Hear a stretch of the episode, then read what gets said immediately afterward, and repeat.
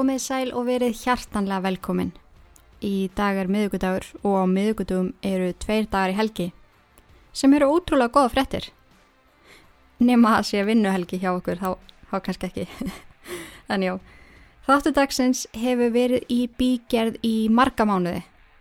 Þegar ég byrjaði með ítverk fyrir rúmlega einu og hálfa ári síðan var ég harð ákveðin í því að taka fyrir fokking Adolf Hitler.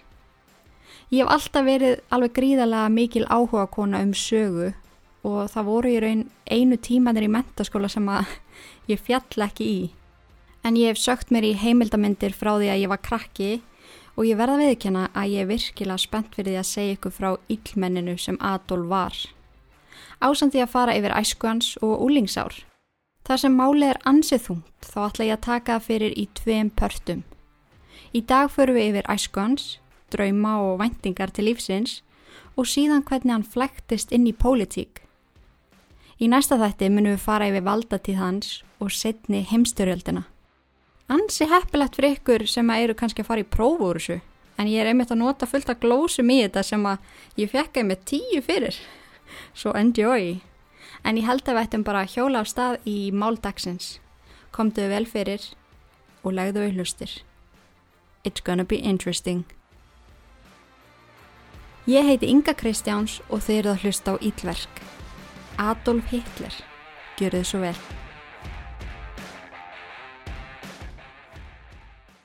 Adolf Hitler fættist hann 20. apríl áriðið 1889 í Brno sem er smábær í Austuríki nálagt landamærum Þískalands. Fóreldra hans voru þau Alois Hitler og Clara Pöls en samanegnuðist þau fjögur börn og var Adolf sá yngsti. Þrjú af sískinum Adolfs, þau Ida, Gustaf og Otto, letust nokkrum klukkustundum eftir að þau komið í heiminn. En fæðing allra barnana var erfið og er talið að þessi þrjú hafi látist vegna súrefnisleysis því fæðingin tók svo ofsalega langan tíma. Alois var í öðru hjónabandi áður en hann kynntist klöru. Með fyrirmeginkonu sinni egnaðist hann Angelu og Alois yngri. En börnin döldu alfari hjá Hitlerfjölskyldunni og byggu því heildina átta á heimilinu. Þegar Adolf var þryggjára gammal fluttist fjölskyldan til Passau í Þýskalandi. Á þeim stað talaði fólk með ansi sterkum hreim sem kallast Bavarenian mollíska. Adolf var settur í leikskóla í Passau og þar lærði hann að tala með þessum einkennilega og óskýra hreim. Áform Alois um vinnu í Passau gekk brösulega og eftir aðeins ár fluttist fjölskyldan aftur til Austuríkis og settist aði í Leoding en sábær er þekktastur fyrir dásanlegt útsýni yfir Alpana. Alois hóf hunungsframleðslu og í gardi fjölskyldunar voru yfir 20 bíflögnakassar. Reksturinn gekk vel og varð hunung hitlarfjölskyldunar ansi vinsælt. Alois fekk krakkana frá unga aldrei til að hjálpa sem er búið. Adolf var hrættu við bíflögunar en fannst hunang alveg svakalega gott. Sískinni gengu í volkskúli sem er engareikin grunnskóli í leðning. Því eldri sem Adolf varð því strángari varð pappans. Klara reyndi að venda börnin og veita þeim ást og umhyggju en hún sjálf ótaðist að Lois sem varð með aldrinum skapstykkur. Adolf dáðist á marganhátt af föðu sínum og sótti í nervur hans sem gerðan að ansi aðgengilegu fórnalambi. Alois barði són sinn, kallaði hann auðmingi og hótaði að senda hann í burtu.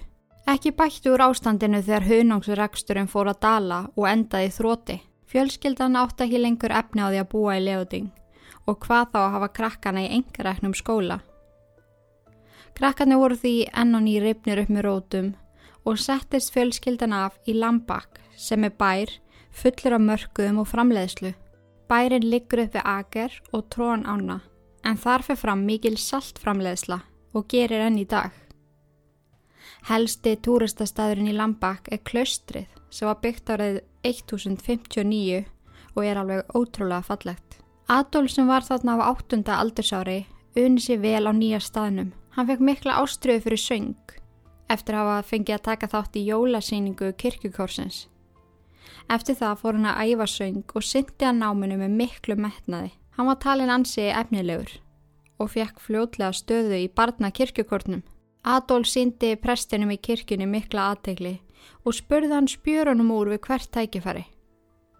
Eftir mörg áhugaverð spjöll við prestin ákvað Adolf og þegar hann erið stór myndi hann verða prestur.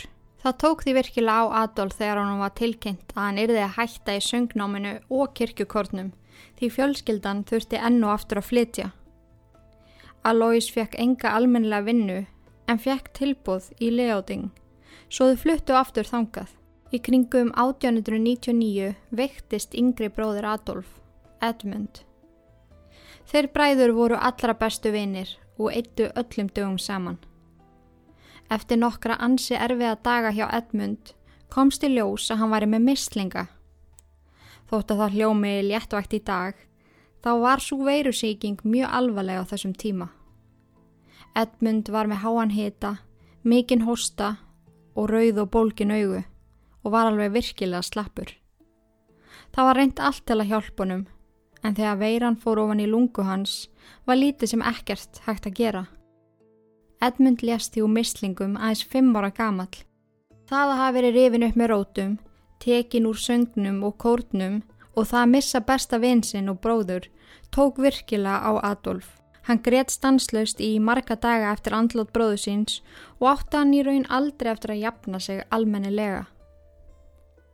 Hann fór úr því að vera sér sjálfsöryggir, hessi og ófeimni strákur í að vera hljóðlátur, viðkvæmur og reyður. Adolf sem hafði aldrei rifist eða slegist var sendur reglulega til skólastjórans því hann hafði rifið kæft við kennaran eða kilt bekkjafélagsinn. Hann reyf kæfti mömmu sína og pappa sem voru virkilega hissa á þessari drastísku breytingu í fari svona þeirra. Þeir sem hafa skoða æfiskeið Hitlers telja það ansi líklegt að hann hefði fengið áfallastreituröskun eða PTSD eftir fráfall litlabróðu síns. En áfallastreituröskun er geðrænt ástand sem stafar af hræðilegum atbyrði sem aðelu upplifir eða verður vittni af.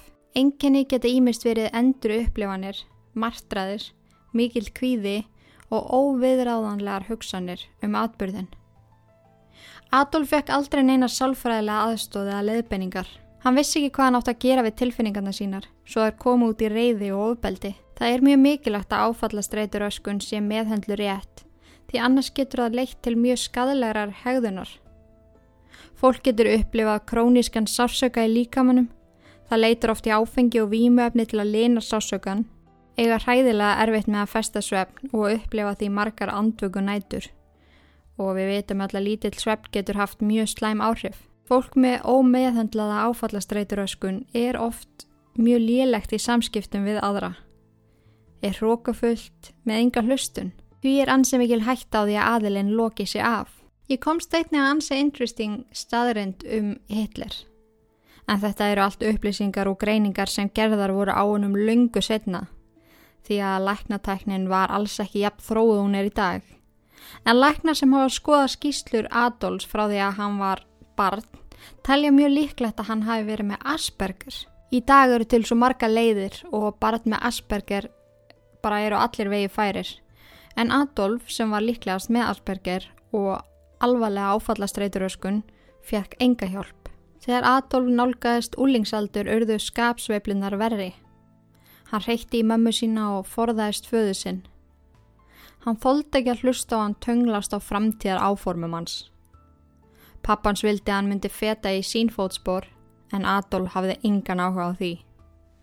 Hann vildi verða listamæður. Hann hafði uppgötað nýja ástríðu sem var að mála myndir.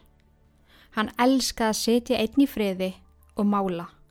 Alois sem hafði þarna unnisu upp í starfi hjá tollinum fannst eina viti að Adolf myndi sækja um þar. Hann myndi bóka fá starfið og gæti svo tekið á honum. Traust starf og traustar tekjur. Alois tók Adolf einu sinni með sér í vinnuna eftir hann hafi sagt pappa sínum að hún langaði listaskóla. Alois hristi hausin yfir þessu og sínd honum hvernig tollurum virkaði og hvernig vinnan myndi fara fram. Adolf hreitti í föðu sinn. Ég hef engan áhuga á þessu, ég vil fara í listaskóla. Feðgarnir rifist heiftala inn á vinnustad og Lois. Þeir sem sátu í sakleysi sínu við skrippborðin sín letu á þá og göftu. Þeir reyktu ógeðslegum hlutum í kvotn annan og segja báðir að þeir hafi í raun aldrei fyrirgefu hvor öðrum eftir þetta hróttalega reyfreildi. Adolf var þá sendur í rílskúlen í Linz í september árið 1900. en ekki í listaskólan eins og hann þráði. Hann var svo reyður og til að sína óhamiki sína skrópa hann í skólanum og stóð sér viljandi illa í prófum og verkefnum. Hann vonaði að ef fadir hann segi að þetta væri algjörlega tilgangslöst fyrir hann að vera í námi sem hann hefði engan áhuga á, þá kannski myndan leifunum að fylgja draumum sínum. Eins og margir austurískir þjóðverjar byrjaði Adolf að sína þýskum þjóðverðnisina mikinn áhuga. Hann lísti hotlustu sinni við Þýskaland. Adolf og vinnir hans notuðu hverjuna heil eða hæl, heil hæl, þið veitir hvað ég á við, og sungu þýska þjóðsöngin í stað austuríska keisarasöngin. Þann 3. janúar 1903 lést Alois skindila vegna heilablóðfalls. Klara sem var algjörlega eigðilögð vegna fráfall eigimann síns gafst hálpartin upp á börnunum sínum. Hún leiði þeim svolítið að fara bara sínar eigin leiðir svo þegar Adolf saði henni að honum langaði að hætta í skóla svo hann getur orðið listamæður leiði hún honum að gera það án þess að spá eitthvað sérstaklega í því. Adolf fekk ingöngu í rílskúli í steir og blómstræði þar algjörlega. Honum gekk vel í hverju einasta fæi en átti samt mjög erfitt með öll próf. Þótt hann kynni bókina sem átti að prófa úr utan bókar, þá fekk hann oft ofsakvíða. Allt blokkaðist og allt í hennu mundan ekki neitt. Það var einmitt það sem gerðist í lokaprófunum á loka ára hans í skólanum, en hann fekk að taka prófið aftur. Í þetta skipti var setið yfir honum og lesið upp fyrir hann spurningarnar sem hefur greinlega hjálpað þar sem hann náði að útskrifast úr mentaskóla með ágætis enganir. Adolf sem var þarna 15 ára gammal vissi ekki alveg hvað næsta skref væri. Hann vissi ekki alveg hvað hann ætti að fara að vinna við. En hann vissi að hann vildi verða listamæður eða listmálari. Hann málaði myndir í frítíma sínum og var hann talin alveg ofsalega efnilegur en myndirna sem hann gerði eru alveg ótrúlega fallegar. Þrem árum eftir útskrift ákvað Adolf að sækja um í listaháskólanum í Vienna en honum var hafnað ingöngu, tviðsvar. Hann hafði mikla ástriðu fyrir því að komast í námið og fóra meira sig að tvísvar á fund með skólastjórunum. Þar voru hann sagt að enganir hans í sömum fögum hefðu bara ekki verið nægilega góðar og umsagnir hans frá því á fyrsta ári væru ekki viðigandi. Sanns að tímabilið þar sem hann var í mestri uppreist og þetta var að hafa áhrif á skólagöngu hans þarna. Skólastjórun sem vildi auðvitað unga manninum allt það besta mælti með því að hann myndi sækja um í arkitektanámi til að byrja með og prófa svo að sækja um aftur. Það varði ekki mikið úr þessu hjánum, en Adolf hjælt samt áfram að búa í Vienna. Hann átti enþá dágóða upphæð af arði föðu síns og reyndi mammans líka hjálpunum fjáráslega. Það var svo 21. desember 1907 að Klara, móður hans, deyr aðeins 47 ára gömul og bróstakrapa minni. Adol var algjörlega eðilaður. Hún sem hafiði alltaf verið svo heilsurhaust. En sjúkdómurinn yfirtók líkama hennar á nokkru mánuðum. Adol sem var þarna orðin ansi fátækur og mistiði þetta aðstöðuna sem var mammans veittonum þurfti að flytja úr íbúðinu sem hann hafi leikt og treysta einungis á aðstof fyrir heimilislösa.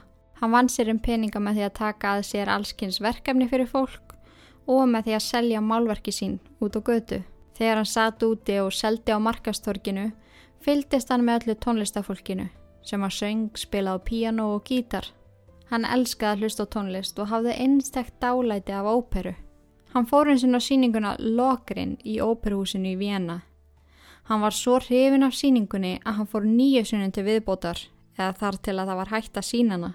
Hann fór einni að hafa mikinn áhuga á arkitektúr en hann elskaði að mála hús og velti fyrir sér byggingastíl þeirra. Það má með sannu segja að Adolf Hitler sem var þarna 18 ára gammal hafi verið sannur listamæður í húð og hár. Það var í Vienna sem að Adolf varð fyrst vittni af kynþáttafórdumum. Populistar eins og Karl Lúager borgastjóri lísti yfir geðingahatri og stutti af og til þíska þjóðarnisíkju til að hafa meiri pólitísku völd. Þísk þjóðurnishyggja átti sérstaklega viðtækt fylgi þar sem að Adolf bjó. En Georg Ritter von Schöger hafði mikil áhrif á Adolf. En Georg var mikil stöningsmæður þískrar þjóðurnishyggju í Austuríki. Adolf leit líka mikið upp til Martin Luther. Í dagblöðum á við Duchess og Volksblatt sem að Adolf las daglega var varpað fordómum og spilað á óta kristina manna. Að streymi innfluttra geðinga til Austur-Európu myndi var hræðileg áhrif á efnagslífið og atvinnulífið. Það er ekki vita nákvæmlega hvenar og hvernig þessi geðingahattur Adolfs fór að gera vart við sig. En einna hans bestu vinnum, August Kubisek, sagði að Adolf hafi mjög fljótt smitast af þessum hatri eftir að hann fór að lesa fræðigreinar eftir til dæmis Fredrik Nietzsche. Adolf hafði aldrei verið neitt sérstaklega gefin fyrir pólitík og hafði í raunin aldrei spáð neitt sérstaklega í geðingum. En eftir að byrja að fá það daglega í æð hversu slæm áhrif þetta gæti haft allt saman, fór hann að dempa sér í meira lesefni og rætti þetta daglega við félaga sína. Það má líka taka það fram að setna með, er talið að Asperger greining Adolf hafi gert hann heldtekinn af þessu málefni. Hann var líka svolítið þannig að þegar hann beiti eitthvað í sig þá hætti hann ekki fyrir hann var bestur í fæinu. Svo það er verðt að taka fram að mögulega hefur greiningan sem kom ekki ljós fyrir löngu setna haft áhrif á framvindu mála. Adolf fekk síðasta hluta arsens frá föðu sínum í mæ árið 1913. Eftir það fluttist hann til munn hérn í Þýskalandi.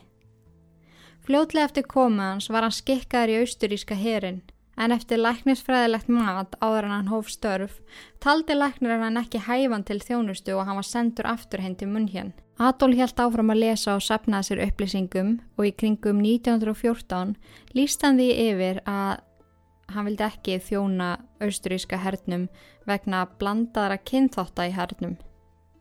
Hann var einni vissum að hrun Austuríkis og Ungverilands væri yfirvofandi og það má eiginlega segja hann hafi fengið akkurat þetta á heilan og fundið þessa samfélagslu ábyrð svona eins og hann þurft að gera eitthvað í þessu til að koma í veg fyrir alltaf illa sem að væri annars að fara að gerast. Í ágúst 1914 þegar fyrir heimstörjöldin braust út bjó Adolf í Munhjan og gekk hann sjálf viljugur í lið við herin.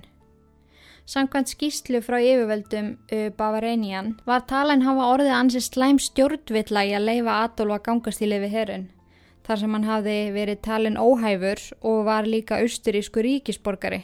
Adolf held samt áfram á þjóna hernum þar sem að villan kom ekki ljós fyrir en löngu setna. Hann starfaði aðalega sem sendibóði á vesturu vikstöðum í Fraklandi og Belgíu og var honum haldi aðalega í höfustöðum hersveitirinnar í Fornes og Veppes. Hann fjekk svo að vera viðstættur fyrstu orustu við Irpes, Somme, Arras og Pasjedale.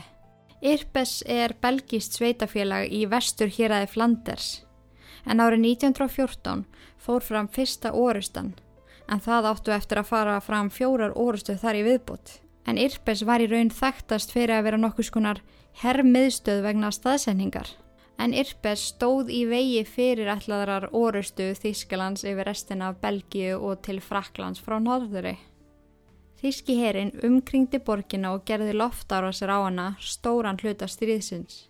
Belgia sem hafi líst yfir hlutleysi sín í stríðinu og hafi það verið staðfest með fyrsta sáttmálanum sem að gerði var í London var þarna fyrir árás. En innrás Þískalands inn í Belgiu leitti breyta inn í stríðið. Orustan við Somme stóði yfir frá 1. júli 1916 til 18. november sama árs í Sommer síslu í Fraklandi sem er staðsett við bakka sommi fljótsins. Orustan fólst í árasastríði breyta og frakka á hendu þjóðverum en þeir höfðu hernumið stóran hluta á Fraklandi eftir að þeir réðust inn í landið í ágúst 1914.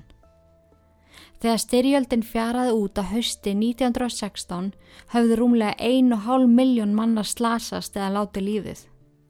Það er sagt að orustan við sommi sé eitt blóðuasti barda í mannkinsögunar. Orustan við Arras var sók breyta á vestu vikstöðum fyrir heimstýrjaldarinnar. Frá 9. apríl til 16. mæ réðust breskir hermenn á Þískar varnir nálagt frönsku borginu Arras við vestur vikstöðina. Orustan við Passendale var þekkt sem þriðja orustan við Irpes. Í þessu stríði voru hermenn ekki bara berjast við aðra hermann, heldur þurftur líka berjast við úrhellisrigningu sem gerði það að verkum að þeir sökku í leði og drullu. Hestarnir sem notaðir voru sukku ofan í drulluna og skriðdrekar festust. Adolf var eins og ég sagði viðstatur öll þessi stríð, en hann særðist ítla í stríðinu við sommi og þurfti hann að liggja á spítala frá 8. oktober til 1. desember 1916. Á meðan hann láð þar skrifaði hann einmitt þetta postkort sem hann sendi vini sínum Karl Landshammer. Kæri Landshammer, ég er í Múnhjörn með varaliða sveit sem stendur verið að framkama aðgerð á tönnunum mínum. Ég mun gefa mig fram sem sjálfbúðaliði á vývöllin við fyrsta tækifæri. Kæra hverjur, Adolf Hitler. Adolf var verlaunar fyrir hugrekki eftir stríðin og var búningur hans skreittu með hjártkrossi annarsflokks. Árið 1918 fekk hann svo Járnkross fyrsta flokks en það var búningsgreiting sem sjaldan var veitt. Sama ár voru hann veitt svarta sáramerkið eða The Black Wound Badge og þetta sáramerkið þýðir í rauninu bara það sem nafni gefið til kynna. Herrmenn sem höfðu slasast fenguð þetta saumað í búningin sinn. Í þjónustu sinni við herin eitti Adolf miklum tíma í að mála og efið þessi mikið. Hann teiknaði til dæmis leiðbynningar og skopmyndir fyrir dagblad hersins. Hann þurfti samt að leggja listsköpun sín á hilluna þegar hann blindaðist við að fá gas í augun. En þetta tímabild tóku virkilega á hann andlega.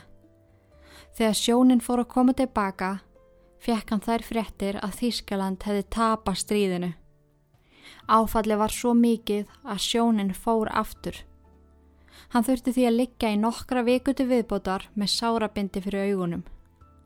Hann talaði ekki mikið á þessu tímabili og þetta tóku virkilega á hann. Adolf vaknaði eitt daginn á sjúkrásinu og fann að augun virkuði öðruvísi en þau höfðu gert síðastleina vekur. Hann tóka sér sárabindið og gat hort yfir stofuna.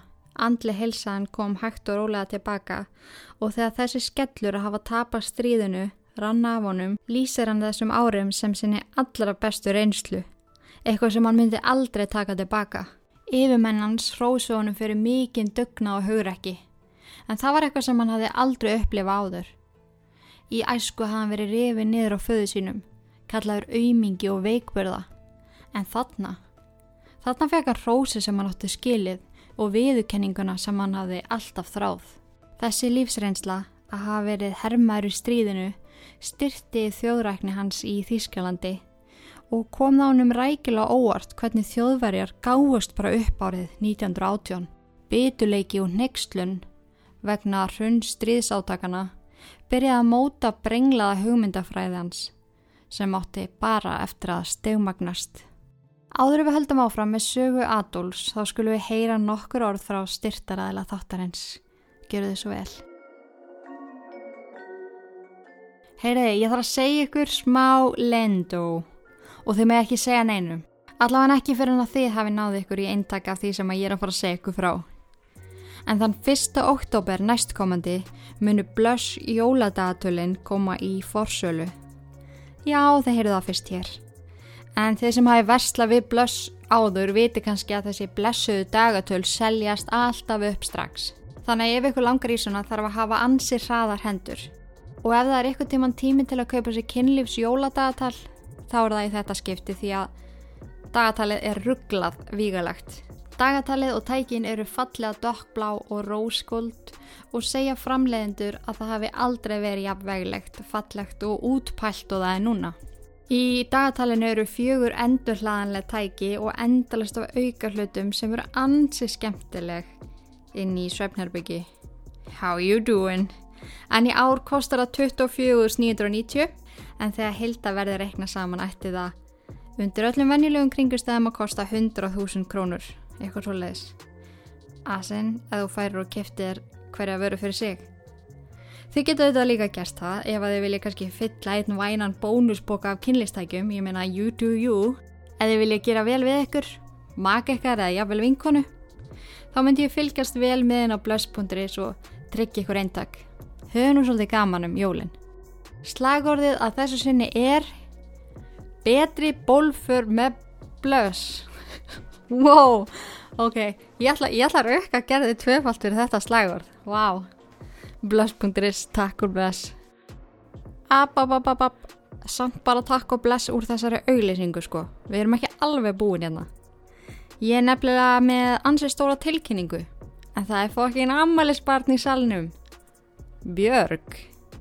Halló, hvernig leggst það í því að verða 23 ára á fyrstudaginn? En hún vinkunaðinn, Marja, hafði samband við mig fyrir svona þrem árum og bað mér um að skila til þín hverju. En það er magnað að við séum saman komin hérna í dag. Það sem að ég er rúmlega glemnasta manneskja í heimi. En nú Marja, hún passaði upp á við myndum eftir þessu og hér eru við komin. Ég er að mynda að skoða tjatti núna og hún sendi mér skilabóð sko 23. apríl. Allt dúla.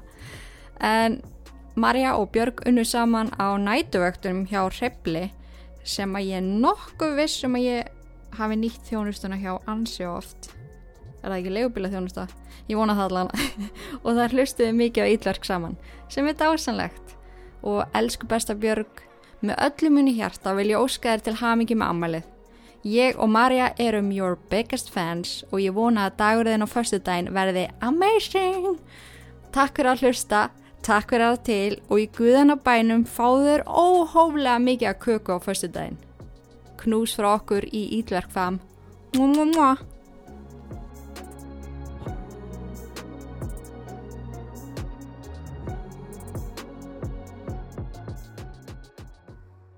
Velkomin tilbaka.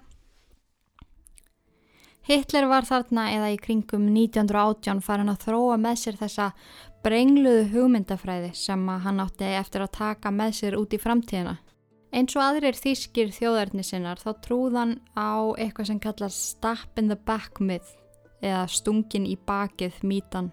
Svo mýta gekk út af það að þýski herin hafði tapast stríðunni því að þeir voru stungnir í bakið af borgaralegum leðtóum, sem sagt geðingum og marxistum til dæmis og þeir sem að undirrituðu vopnallið og þannig byttu enda á bardagan.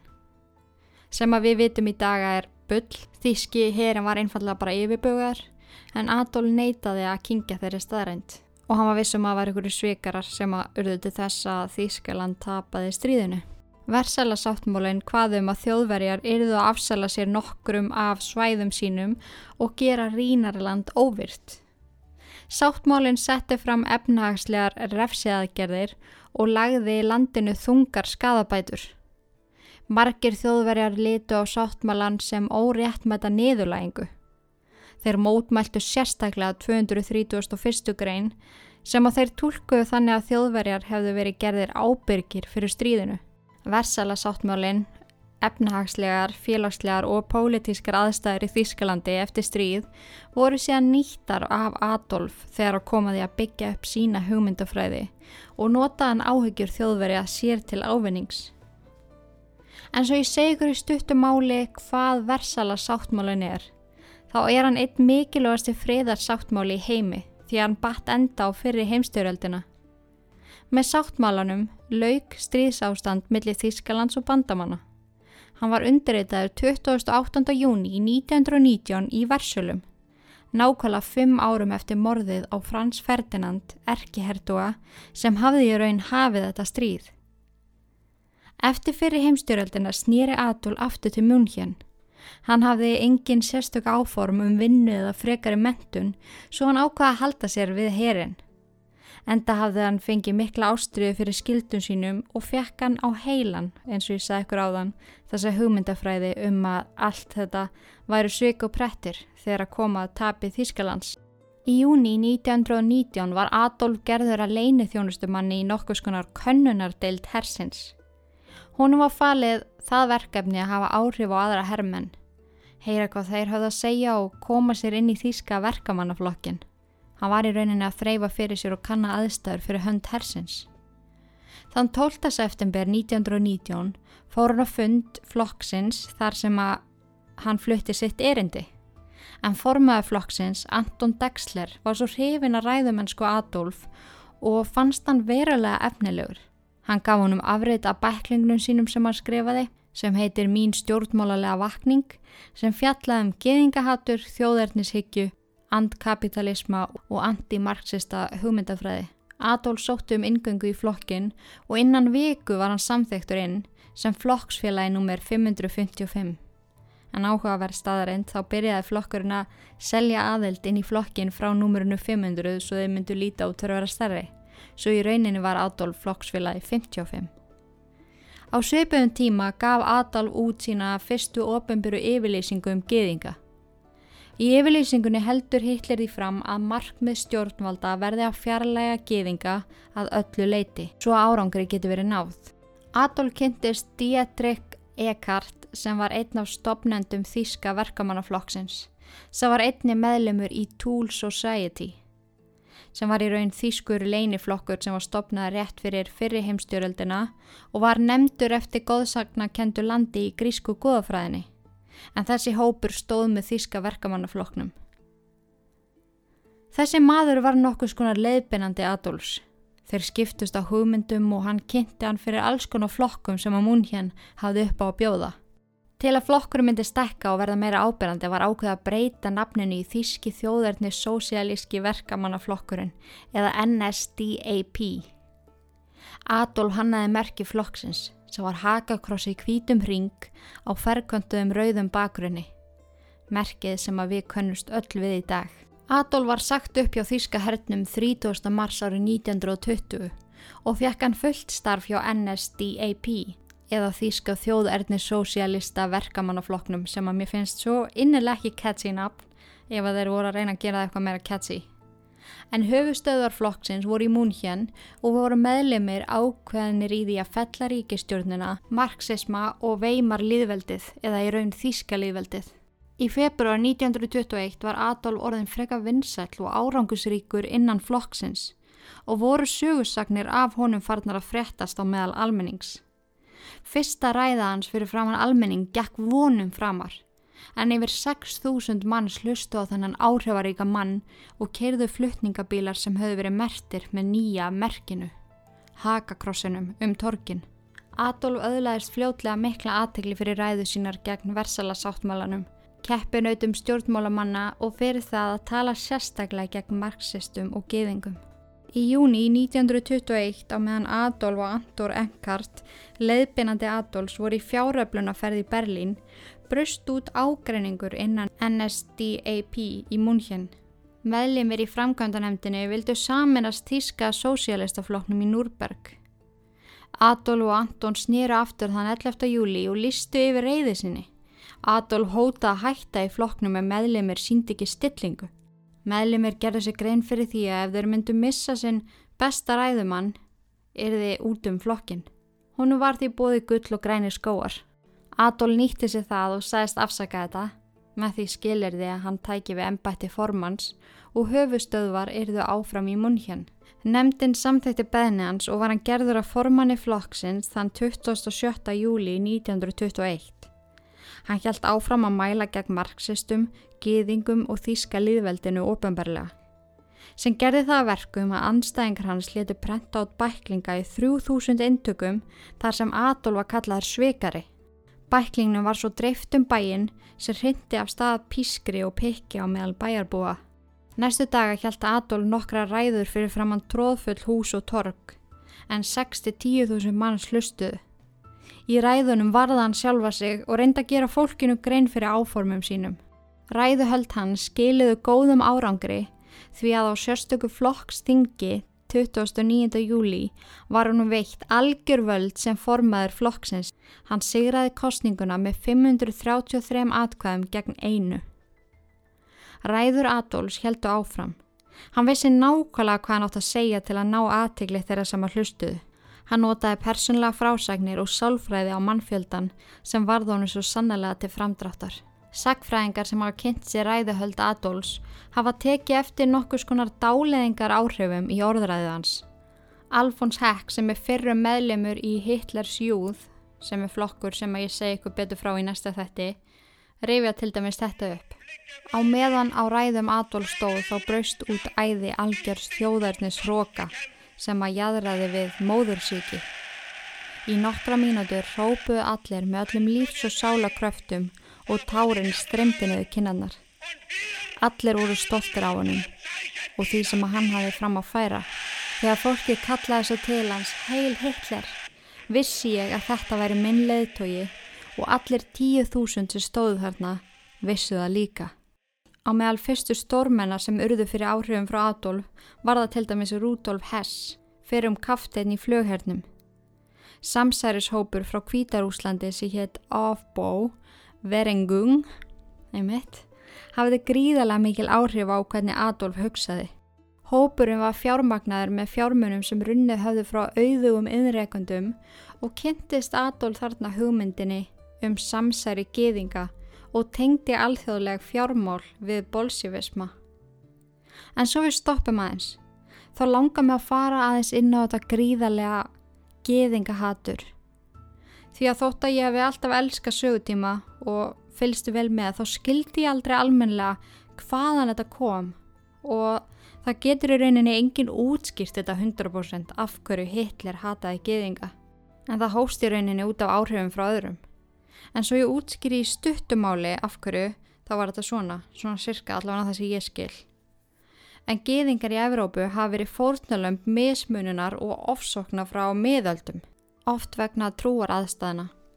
En kristnir menn liti á geðingstrúna sem afbreyðleika sem þurfti að leggja niður. Gýðingum var stundu gert að skipta um trú því annars fengur ekki að yfka ákveðnar starfstjættir. Á 19. öld gengdu trúabröð minna mikilvægu hlutverki en í staðin komu kenningar um munin á kynþóttum og þjóðum. Hugmyndin um að gýðingar tilheyrðu annari þjóð en þjóðverjar varð alls ráðandi. Meira segja að þeir gýðingar sem höfðu snúið sér að kristintrú voru taldir öðruvísi bara út af blóðinu sem rann í æðunum á þeim. Þannig eins og ég segi, Hitler fann ekki upp á giðingahatri. Það hefði verið til í mörg hundru ár og engin veit nákvæmlega af hverju og af hverju hann hataði þá svona mikið. En það hafa samt komið líka upp svona slúður sögusagnir í rauninni. Til dæmis uh, þá hafi Hitler skammast sín fyrir rætur sínar sem voru að hluta til giðinga rætur. Það var líka haldið fram að hann hefði þróað með sér hatur út af áföllum sem hann varð fyrir heimstjörildinni, til dæmis að verða fyrir eitur gasárós sem að allir blindu. En svo er líka einsaga að Hitler hafi fengið kynnsjúkdóm frá koni sem var geðingur. En já, fólk getur alveg reynda að gíska í eðurnar en þetta er svona ímislegt sem hefur komið upp á yfirborðið sem að maður veit náttúrulega ekki hvort það sé satt eða ekki. En svo langar mér líka örstuðt að segja ykkur frá bolsiversma sem er í stuttumáli flokkur rúsnenskra kommunista sem að komist til valda í oktoberbyltingunni 1917 og stopnaði Sovjetríkin. Stopnandi bólsífika flokksins var Vladimir Lenin og Alexander Bogdanov. En í enþá stittramáli eru bólsífikar stuðningsmenn meiri hlutans.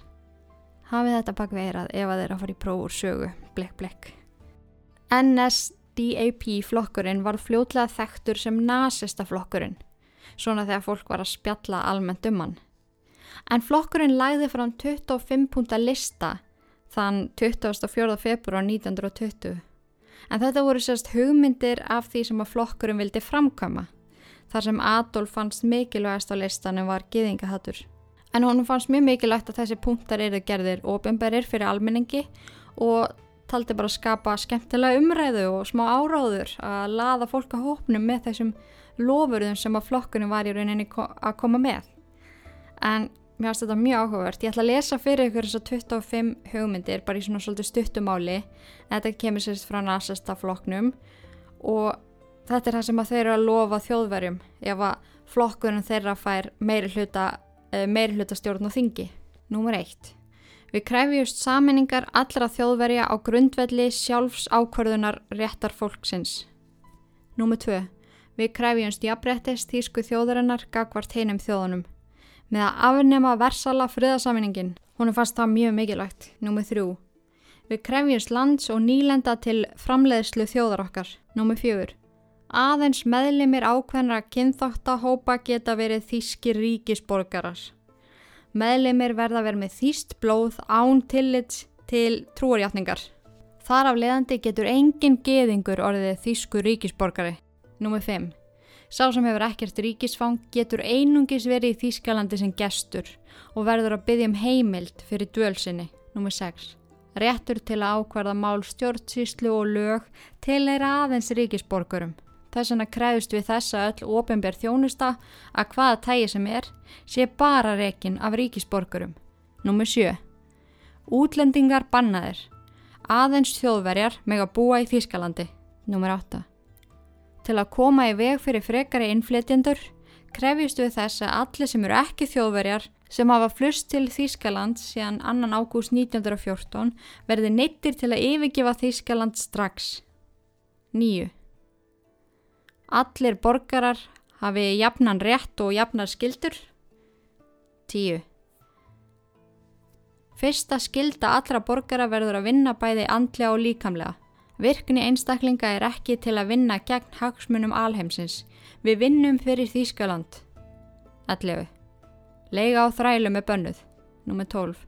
Með hliðsjón af henni stórfenglu fórn í eignum og blóði sem hvert stríð hefur í för með sér, krefjust við alls ágóða af stríðum. Númer 13. Við krefjumst þjóðnýtingar allra atvinnugreina. Númer 14. Við gerum kröfu um skiptingu hagnaðar af öllum stóriðjum. Númer 15. Við krefjumst framlengingu á elli líferi. Númer 16. Við krefjumst þess að stopna heilbreiða millistjætt og varveislu hennar, samnýtingu hinn af miklu vöruhúsa og leia þau með litlum tilkostnaði til lítilla fyrirtækja. Bera skal tillit til allra litlu fyrirtækjana í síslum og sveitafélögum. Númer 17. Við krefjumst umbúta á landi sem hæfir þörfum okkar, ákveðnum laga um frjáls eignan ám lands í þáu almanna þjónustu og afnema skal alla skatta. Átjón. Við krefjumst þess að allir glæpamenn fái dauðadóm, án tillits í hjáttningar eða kynþáttar. Númer 19. Við krefjumst þess að skipt verði út rómverskun lögum sem þjóna efnisyggju fyrir þýsk almenn lög. Númer 20. Við krefjumst þess að ríki sé ábyrgt fyrir grundvallar uppbyggingu á mentunar áætlunum. Við viljum að allir duglegir þjóðverjar eigi færi á því að menta sig og fari svo í fórustu störf. Kennslu áætlanir, allra skóla skulu verið í samræmi við reynslu af hagnýtu lífi. Skólinn skal kenna börnunum að skilja hugtaki strax í upphafi. Við krefjumst mentunar á kostna ríkisins og þá sérstaklega þegar að kemur að framúrskarandi klárum börnum sem að hafa alist upp hjá fátakum fóruldrum.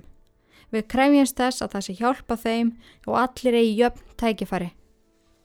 Númer 21. Ríki skal sjá um að venda móður og barn með því að banna alla barnaþrælkun. Hvetja skal til líkamsræktar og annara hreyfingu. Öll hreyfing skal vera frí og opin öllum. Númer 22. Við krefjumst þess að mála liða herin verði afnuminn og stopnaður verði þjóðarherr. Númer 23. Við krefjumst lagalegrar andstöðu við þekktar legar og kynningar í gegnum fjölmiðla. Til þess að við getum gefið út þýska pressu skulu allir rítöfundar og starfsmenn dagblæðana skrifa á þýsku. Dagblöð sem eru ekki þýsk þurfa sérstatt leifi fyrir byrtingu sinni. Þeir sem bróta þessi lög verða tafilaust vísa á landi. Númer 24. Við krefjumst trúafrelsis fyrir öll trúfjölugu innan ríkisins svo framalega þau stopni ekki tilvist annar í hættu og sjö á móti siðferðiskend þýskra kynþáttarins. 25. Til að framkama allt sem tekið fram á þessum lista krefjust við að mynda verði stert miðstjórnavald í ríkinu. Ótakmarka vald miðþingsins yfir öllu ríkinu og samtökum þess almennt. Myndu ríkis við framsangant lögum. Leðtúar flokksins lofa, ef nöðsinn krefur, að fórna eigin lífi til að styðja við framkvæmt framangreindra atriða. Já, þetta er allt mjög áhugavert og það er alls ekkert eitthvað alls slæmt á þessum lista og ef maður spáir í því að þú bjóst í Þýskalandi á þessum tíma, varst fættur þar og uppalinn, þá hljómuðu þessar hugmyndir ansið vel sko og allt virtist geta blómstrað en það eru punktir á neina milli sem að eru horribúl og Guð hjálpið þér ef að þú varst svartur eða geðingur. Árið 1923 fekk Hitler aðstór frá Erik Ludendorff hershöfðingja fyrri heimstyrjaldrannar vegna valdaráns tilraunar sem kallaðist Bírhal Punch. En það var ansið misefnu tilraun sem leti til handtöku Adolfs Hitler. En í þessari valdaráns tilraun reyndi hann að ná fram völdum í múnhjörn. Hann sapnaði saman hér 2000 nazista sem að marseruðu niður gödunar í átt af miðbænum. Lauruglustjórn í Múnhjörn stoppaði það af og skotbardagi varða millir nazista og lauruglu sem var til þess að 16 meðlemið nazistaflokksins létust og fjórir lauruglumenn. Adolf sem að slasaðist í skotbardaganum náði að flýja í burtu og náði að fela sig í tvo daga. Hann fann svo öðrun degi og var ákjærður fyrir landráð. Adolf var virkilega þunglindur þegar hann var handekinn og sögusagnir fórum að hann hefði reynda að fremja sjálfsvík. Þegar hann var yfirbögaður síndi hann samt ró og rétti fram hendu sínar svo hægt vera handjáðnan auðveldlega. Réttahöldin yfir Adolf háfust í februar 1924. Alfred Rosenberg tók við nazistafloknum sem leiðtögi á meðan. 1. april 1924 var Adolf dæmdur í 5 ára fangelsi í Landsberg fangelsinu. Í bókinu sinni Mein Kampf segir hann frá því að hann hafi fengið virkilega vinalegt viðmóti í fangelsinu. Verðinni leiði honum að taka við aðdándabrjöfum frá stöðningsmönnum nazistaflokksins og fekk hann einni leifi fyrir heimsóknum frá flokksmönnum. Hæstiréttur tók síðan þá ákvörðun að slepp honum í desember sama ár fyrir góða hegðun. Sú ákvörðun var ekki vinsæl hjá saksóknara sem gerði hvað sem hann gað til að halda honum í fangelsi og láta hann setja sem dóm. En allt kom fyrir ekki. Fyrir þess að misefnuðu tilrönd til valdaráns afblanaði Adolf aðeins nokkra mánuði. Á meðan Adolf satt inni skrifaði hann mestmegnið að fyrsta bindi bókarinnar Mein Kampf sem að bar upprunnulega heitið Baróta mín, fjögur og hálft ári baróttu við legar, heimsku og hugleysi. En bókin var tilengu fyrir um túlefélaganum Diedrek Eckhart og var bókin bland af sjálfsæfisögu og útlistun á hugmyndafræði. Í bókinu komu fram áform Adolfs um að breyta þýsku samfélagi þannig að allir ríkisborgarar væru af sama kynþætti. Það er gegnum gangandi í bókinu hversu mikið hann hataði gýðinga og líkir þeim við síkla og eituröfni samfélagsins. Sankvæmt hugmyndafræði Adolfs var eina lausnin að betra Þýskalandi að útrýma gýðingum. Þótt hann hafi ekki líst í nákvæmlega hvernig veri best að framkama þessa útrýmingu Þá var þjóðarmorð eitthvað sem að var farið að myndast í hugmyndafræðans. Það voru óneitalega, skelvilegir tímar framöndan. Mein Kampf var gefin út í tveim bindum, fyrsta árið 1925 og setna 1926. Og ég skal segja ykkur eitt magnað. Ég hlusta á þessa bók til að geta gert hennar þátt betri og ég verða að segja ekki hlusta á hana. Þetta er mestir hillingur og svo innilega niðurdreipandi en á sama tíma mjög áhugavert. En það tók mig mánuð en það tók mig mánuð að klára hana því að ég þurfti að stoppa svo mikið en á milli því að þetta er hefið út í dæmi en bókin seldist í 228.000 eintökum frá 1925 til 1934 og síðan í 1 miljón eintökum árið 1933 en stuttu áður en Adolf losnaði á fangelsi var reynda að láta flytja hann úr landi til Austuríkis Austuríski alríkistjórin hafnaði þeirri beðni á þeim sérkennilegu fórsendum að þjónusta hans við Þíska herin hafi ógildað austuríska ríkisborgaréttin hans. Adolf sem var sármóðgæður brást þannig við að segja af sér austuríska ríkisborgaréttinum og gerðist hann Þískur ríkisborgari í april 1925. Á þeim tíma sem Adolf snýri aftur til nazistaflokksins hafði sveiplir í efnaðarslífi og stjórnmálum róa skífulega. Hann hafði því ekki jafn mörg tækifæri til að æsa upp í pólitíkinni eins og hann hafi gert áður. Hann var líka í klemmu því að nazistaflokknum var bannað að koma fram ofinbarlega út af misefna valdaráninu. Á fundi við Henrik Held, fórsættisráð þeirra, Árið 1925 þá félst Adolf á að virða vald ríkisins og lofaðan Henrik að hann myndi einungis leita eftir pólitísku valdi með líðræðislegu ferli að sem kostningum. En þessi fundur sem að endaði mjög vinalega hjá þessum tveim félögum var til þess að banni nazistaflokksins var aflétt 16. februál 1925. En eftir ansi vafasama ræðu sem að Adolf held hann 27. februar sama ár var hann um banna að tala á ofenbjörnum vettvangi. Og þetta bann átt að standa yfir í tvö ár. Til að efla pólitískan stöðningsinn þrátt fyrir bannið þá skipaði Adolf Gregor Strasser, Otto Strasser og Joseph Goebbels til að skipilegja stækkun narsistaflokksins í norður Þýskalandi. Gregor Strasser stýrði þessari stækkun og lagðan áherslu á sósialíska áætlum flokksins. Þann 24. oktober 1929 hrundi hlutabrifamarkaðurinn í bandaríkjónum en þetta hafði skjálfili áhrif á Þýskaland. Miljónir manna mistu vinnu sína og banka hrundu hver á fætur öðrum. Adolf og nazistaflokkurinn var tilbúin að nýta sig þetta neyðar ástand til að abla stuðning við flokksins. Hann lofaði þjóðverjum að hafna versalasamningnum, styrkja efnahægin og búa til störf fyrir þá sem höfðu misti vinnuna. Kreppan mikla eða The Great Depression veitti Adolf stór pólitísk tækifari sem hann ætlaði sér svo sannlega að nýta. Þjóðverja voru tvístegandi gagvart þingliðveldinu sem stóð frammi fyrir miklum áskurunum. Stjórnmálaflokkar á alþingi voru ófærir um að finna lausnir og var mikil óvisa um hvernig ósköpunum ætti að rétta hennan hræðilega efnahag af. Í þjóðaratkvæðagreðslu árið 1929 keiriði nazistaflokkurinn á fullt og reyndi að koma fólki í skilningum hugmyndafræði þeirra. Nazistaflokkurinn fekk 18,3% atkvæða og kom sér vel fyrir í 107. sæti á þingi og var á sama tíma næst stærsti flokkurinn á þinginu. Aðgerði til að bæta ástandið allir litlum efnaðslegum framförum og voru í raun frekar óvinnsalar. Adol nýtti sig það með því að beina pólitískum skilabóðum sínum sérstaklega fólki sem hafði orði fyrir barðinu á kreppunni, svo sem bændur, stríðsmenn og millistjætt. Þótt að Adol hafi sagt upp austuríska ríkisborgararétti sínum árið 1925, þá fjekk hann ekki þýskan fyrir sjö árum setna. Þetta tók svo langan tíma. Þetta þýtti á þeim tíma var hann ríkisfang laus og lagalega ófærum að bjóða sig fram til ofinbæra starfa og stóð enn frammi fyrir hættu á brottvísun ef hann fylgi ekki lögum og reglu. 25. februar 1932 skipa innríkisáþara Brúnsvik Dietrich Klagges sem var einni meðleimur nazistaflokksins að Adolf verið gerður að leiðtúa sendinemdar í Berlín og með sínu ansi þjætt á tengslanetti græja hann ríkisborgararétt fyrir félagasinn. Adolf var ekki lengi að koma sér af stað og bauðan sér fram gegn Hindenburg í fórsetakostningunum 1932. Kostningaræða hans veitt honum stuðning margra upplugustu innreganda Þýskalands á meðan Hindenburg var meira með stuðning frá innan gæsalappa minni hlutahópa.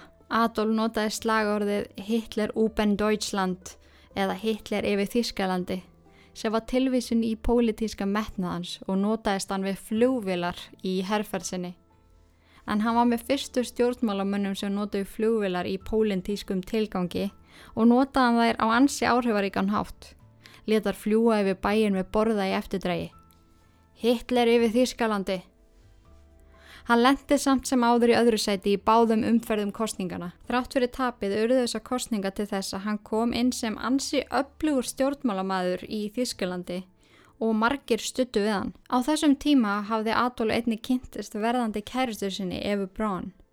Þegar þau kynntu starfaði Eva sem uh, aðstofakona í verslun Henrik Hoffmann sem var einni personulegur ljósmyndari Adolfs og góður vinur hans. Eva og Adolf hittust í þessari tilteknu verslun og hún var 17 ára og hann var færtugur. Adolf hafði á svipun tíma og hann kynntist Evu átt kærustu. Ég fann samt hverki hvað hún hétt. Það eina sem að ég fann var að hún framti sjálfsvík og Adolf varð virkilega sorgmættur yfir því og leitaði í félagskap Evu. En þau fóru hittast reglulega og fljótlega var sambandera mjög djúft en á sama tíma mjög dölafullt. Það er ekki vita nákvæmlega hvað Eva hittlaðist af en Adolf nú ekki talin eitt sérstaklega hittlandi maður, hvorki í útlitinni persónulega. En í dagbókafæslum Evu kemur fram að hún hefði verið mikið kúið af honum og hann eitti öllum sínum tíma með nazistafloknum. Auk þess þá þóldi pappi Evu, Fritzul, ekki að þau væri í sambandi og lísti því hvað eftir annað við dóttu sína. Adolf og Eva heldur sambandinu lendu og sáust mjög sjaldan saman. Eva hafði engan áhuga á politík og netti aldrei að ræðana við Adolf sem að húnum fannst fínt því að hann saði setna meir að þegar að sambandið að varða ofinberst hafa hann sérstaklega valið hana því að hún hafði ekki neinn pólitísk á, áhrif á ákvarðanar hans. Mér finnst saga Efu Brón svo ótrúlega áhugaverð og ég ætlaði eitthvað að reyna að stikla á stóru hérna en ég geta ekki því að það er svo margt mikilvægt sem kemur fram líka upp á að fá vingilinn af lífi Adolfs. Hún spilaði svo fárlega stóran þátt í lífans og ég hefði ákveðið að æfiskeið Efubrán verði í oktober áskriftapakkanum. Þannig að ef að þið er í áskrift að fáið söguna hennar þann fyrsta oktober og ef ykkur langar að skrá okkur í áskrift þá getið farið inn á ítlörk.is. Það kostar 990 mánuði og þið fáið 5 auka þetti en já, ég held að það verði mjög, mjög gott að tala um hana líka því að maður einhvern veginn veit hvað að lítið um hana, maður veit bara hún heitir Eva var kærast hann að sittles en það er mjög margt sem býr hana áhugavert á bakvið. Þrátt fyrir að Hindenburg hafi verið kosin fósiti þá þurfti samt að grípa til rótækra aðgerða til að bæta ástandi í Þýskalandi. Stuðningsmenn Adolf Hitler vissu að hann væri svo eini sem gæti raunverulega breytt ekkuru. Þessar áhyggjur kvöttu tvo áhrifamikla stjórnmálamenn þá Frans, von Papen og Alfred Hugenberg til að skrifa bref til Hindenburg. Undirritaðir kvöttu Hindenburg til að gera Adolf að leiðtóa ríkistjórnar óháð þingflokkum. Með því geti þetta breyst í reyfingu sem myndi grípa aðtökli þjóðarinnar. Hindenburg samþykti með trega að skipa Hitler að kanslara Þískjalands eftir tvær frekari þingkostningar sem fóru fram í júli og nóvember 1932. Þann 30. janúar 1933 var nýja stjórnaráðið ákveðið við litla aðtöfn á skrifstofu Hindenburg fósetta. Nasistaflokkurinn hlaut þrjú embætti. Adolf var útnemdur kanslari, Vilhelm Frick innanríkisráðara og Hermann Göring innanríkisráðherra fyrir Prúsland. Adolf hafði krafist ráðherra embættana ofan talina manna sem leið til að ná stjórn á lögröglunni í stórum hluta Þýskalands. Hann var strax einu skrefi á undan. Sem kanslari vann Adolf gegn tilraunum anstæðinga nazistaflokksins og til að byggja upp meiri hluta stjórn. Hindenburg kryndi af stað framkvæmdum og betrumbætingu á ráðhúsinu áður en kostningarna myndu byrja í byrjun mars. Undarlega þá brann byggingin til kaldra kóla 27. mars 1933 nokkrum dögum eftir hún var tilbúin. Göring innaraukisráð þeirra Prúslands kendi samsæri kommunista um brunan. Því hollenski kommunistin Marinus van der Lubbe fannst látin í byggingunni. Það hefur verið talið hansi líklegt að hann hafi í raun kveikt í byggingunni en margi voru á þeirri skoðun að nazistaflokkurinn hafi staðið að eldsúðanum. Forsetin var á þeirri skoðun að kommunistar hefðu staði að þessu. Hann greip til neyðar aðstáana til að venda öryggi almennings. Starfsem við Þíska kommunistaflokksins var fælt og yfir 4000 meðlimir voru handteknir. Á kjördag 7. mars 1933 jógst fylgi nazistaflokksins upp í 43,9% og hafði flokkurinn flest þingsæti. Flokknum mistókst þó að tryggja sér algjörán meiri hluta. Þann 21. mars 1933 var opnun nýja ráðhúsins uh, fagnað með lítillegi opnunaháttíð. Þessi opnunaháttíð var líka haldinn til að sína fram á tengslinn sem að nazistarhefingin, gamla prúsneska elitan og herin höfðu myndað. Adolf okkar Hitler mætti prúðbúinn, heilsaði fórseta Hindenburg með brós og vörð. Þessi dagur átti að vera byrjunin á einhverju frábæru. Til að ná fram eins miklu valdi og mögulegt var, þrátt fyrir að hafa ekki sigra meiri hlutan á þingi, fekk Adóli lið með sér aðeila sem stóði að lögum sem kölluðust virkunarlög, sem voru til þess gerð að ráða bót á neyð fólksins og neyð ríkisins í efnaðsrauninu. Með því að fara þessa krókaleiðir og spila stanslust inn á það sem var veikt í kerfinu, náði Adól næstu fjögur ár að setja fram lög og reglu nokkur neginn án þess að forsetin segði eitthvað við því. Með þessu náði nazistaflokkurinn til dæmis að láta handtaka alla 81 varamenn kommunista og koma í veg fyrir herrferðir demokrata. Hægt og rólega sölsaði Adolf og nazistaflokkurinn undir sig meira og meira vald og enginn sagði neitt því hann spilaði alltaf hann á þó strengi að hann væri að þessu til að bæta kjörin í landinu. Þann 23. mars 1933 kom ríkistjórnin saman og fundaðum framhaldið. Þar lísti miðflokkurinn sem var þriði stæsti flokkurinn á þingi yfir því að þeir myndu styðja virkinalögin sem er eins og ég sagði ykkur áðan til þess að ráða bóta á neyð fólks og neyð ríkisins í efnaðsruninu. Eftir atkvæðagreislu var komið það mikið að atkvæðum í hús að stjórn Adolfs umbreyttist í löglegt einræði og það að gera Adolf Hitler að nokkus konar einræðisherra það var bara ekki góð hugmynd. Með þessari stjórn á lögjavaldinu og framkvæmdavaldinu fór Hitler og hans menn í það að bæla niður þær stjórnaraðstöður sem eftir voru. Eftir var til dæmis flokkur demokrata sem var bannaður og lagt halda á eignir hans. Mörg verkaliðsfélög í Berlín voru leist upp og leðtöðar þeirra handteknir. Í lók júni 1933 var eiginlega búið að bæla alla af þingi. Og 14. júli var líst yfir að nazistaflokkurinn væri eini löglegi stjórnmálaflokkurinn í Þýskalandi. Þegar flokkur SA krafðist þess að fá meira hernaðalegt vald, otlega miklu stressi með að leiðtóa hersins.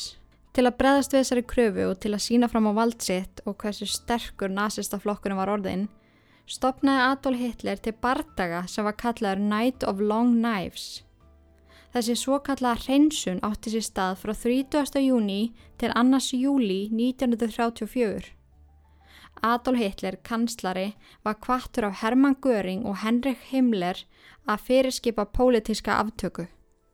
Tilgangur með því var að gera fólki grein fyrir valdi hans og draga úr áhyggjum þjóðverja. Morðin á flokki SA sem var hreinsaður út á þessum tveim dögum átti að fyrirbyggja valdarán SA.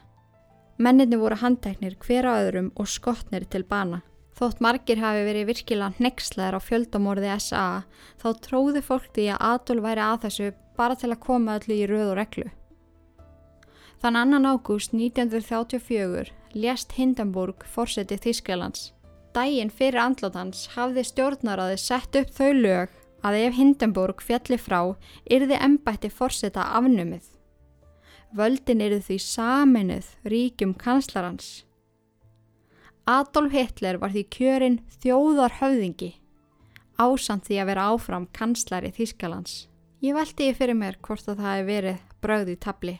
Mér finnst þetta eitthvað voða mikil tilviljun að þessi lög hafi verið gerð dægin áður en fórsetin lést. Sem þjóðarhöfðingi var Adolf aðstilið tói hersins. Hotlustu eigið hermannana var breytt og þeir þurftu að skrifa undir hotlustu sína við Adolf.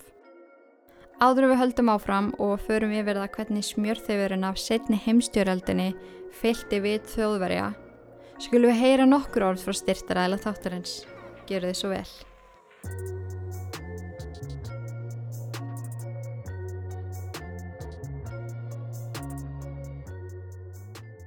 Ég fengi slatta af spurningum á mínum samfélagsmeilum svona eftir að ég byrjaði að reyfa mig aftur eitthvað að viti og þá er að spurja hvaða fæðubóta vörur ég er að nota því ég síni mjög oft frá þeim á Instagram til dæmis. Fólk sem hefur fyllt mér sem lengst vita að ég hef nota vöruna frá Leanbody í næstu í fjögur ár og reynsla mín og þekkinga vörunum er því orðin ansi góð. Og mér langaði því að mæla með þrejum vörum við ykkur núna. Þrejum vörum svona ef að þið eru að byrja að nota vöruna frá Leanbody og vitið ekki alveg hvað þið ætti að velja þá er þetta svona fullkominn startpakki og eitthvað svona sem er í mjög miklu uppáldi á mér. En nummer eitt er fattbörninum frá Labrada, ég ætla að segja ykkur bara örstuðt frá þessu öllu, þannig að þið getur bara hérna metið þetta. En ég nota hann sem pre-workout fyrir æfingu, svo dregur hann úr sætuþörf og aðstöðar líka við fytubrenslu. Svo að þessi vara hefur ansið marga kosti og hendar alveg ótrúlega mörgum. Númið tvö finnst mér mikilvægt að eiga gott prótein En ég er mjög hrifin af prótenunum frá Labrada en núna er ég að nota súkulæði próten frá Ghost og mér finnst það ótrúlega gott. Mér persónulega finnst snild að eiga til próten með góðu bræði heima þegar ég er að búa myndi búst, uh, prótenpönnukökur eða búðing eitthvað svoleiðs því að ég er ótrúlega mikið fyrir sætindi og ég næ ofta að slá aðeins á þess að gríðalegu græðki með því að eiga gott próten í staðin. Mér allan finnst það geggjað. Númið þrjú eru klárlega tein frá X50. Ég ángríns elska þessi te út af lífunu en mitt allra uppáhals er með rifsberjabræði, hristi teið með ísköldu vatni í hristibrúsa, hristi smá læm út á og helli svo í glasið. En þetta er það allra besta sem ég fæ og þetta er líka svo fáralega friskandi. Tein eru glutenfrí, innihalda vitamin C, andoksunarefni, lítið af kaloríum, það er koffin í því og það kemur í veg fyrir óþara vats uppsöfnun í líkamanum. En ég fæ mér alltaf svona te í hátteginu eftir ég er búin að borða og þetta heldur mér svona ferskri restin af teginum og ég mitt slæra á þessa massa siguþörf sem að dettur yfirleitt inn setnipartin. En mér langar allavega að segja ykkur frá þessum vörum e, eitthvað sem að ég svona nota lang mest og elska mjög mikið og ef ykkur langar að pröfa eitthvað að þessu eða eitthvað annað frá Leanbody þá getið þið nota kóðan Ítlverk fyrir 15% afslátt af öllu siði veslið. Límbóti, þín markmið, þín grein.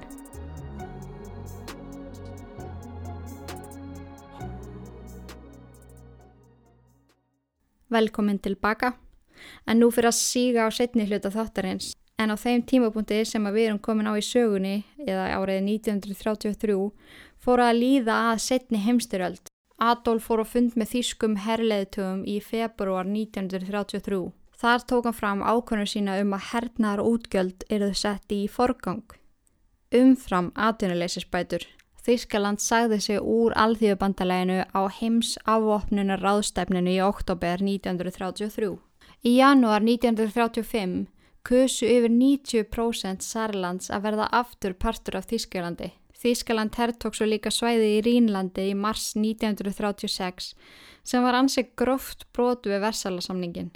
Adolf sendi einnig herlið til Spánar til að styðja Franko, hershauðingja, í borgarastyrjöldinni á Spáni. Á söpuðum tíma hjælt Adolf áfram með hugafóstu sittum að stopna ennst þýst bandalag. Efnaðaskreppan í Þýskalandi var enþá mjög slæm og hún batnaði við ekki eftir að Adolf ákvaði að leggja meiri áherslu á að fjármagna herfvopn og her aðgerðir og salta þannig atvinnuleysisbætur á meðan. Adolf skipaði Göring að hrinda í framkvæmt fjögur ára áætlun til að undirbúa Þýskaland undir stríð sem að var handus um að yrði á næstu fjórum árum. Adolf var vissum að ákverðinans væri rétt og endanum myndi ákverðinin hafa verið svo besta fyrir Þýska ríkisborgara. Óh, ég viðkynna að það er pínu erfitt að staldra við hér. Við þykir þetta svo ótrúlega áhugavert að ég geti ángriðs haldið áfram í svona tvo tíma í viðbútt. En í næsta þætti þá förum við yfir hvaða var sem að kom setni heimstyrjöldinni af stað og hvaða þátt Adolf Hitler spilaði því. Svo get ég ekki beða eftir að segja ykkur sögu Efi Brón, heitkonu Adolfs.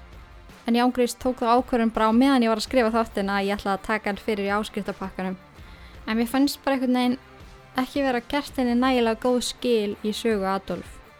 En hennar æfisaga er virkilega áhugaverð og átakanleg. En já, eins og ég sagði ykkur tíma nýjan hérna áðan, með minnir ég að vera sagt það í þættinum að það ætla ég að taka uh, málena fyrir í næsta ásvítapakka sem kemur út 1. oktober og þið getið skráð okkur inn á ítverk.is og þannig treykt ykkur 5 auka þætti í mánuði. En ég held að við segjum þetta gott, þetta var heavy duty ég ætla að fara að huglega núna. Að þánga til næst, takk fyrir að hlusta takk fyrir að vera til og í guðanabænum forðist öll ítverk. Nema þetta podcast. Verið sæl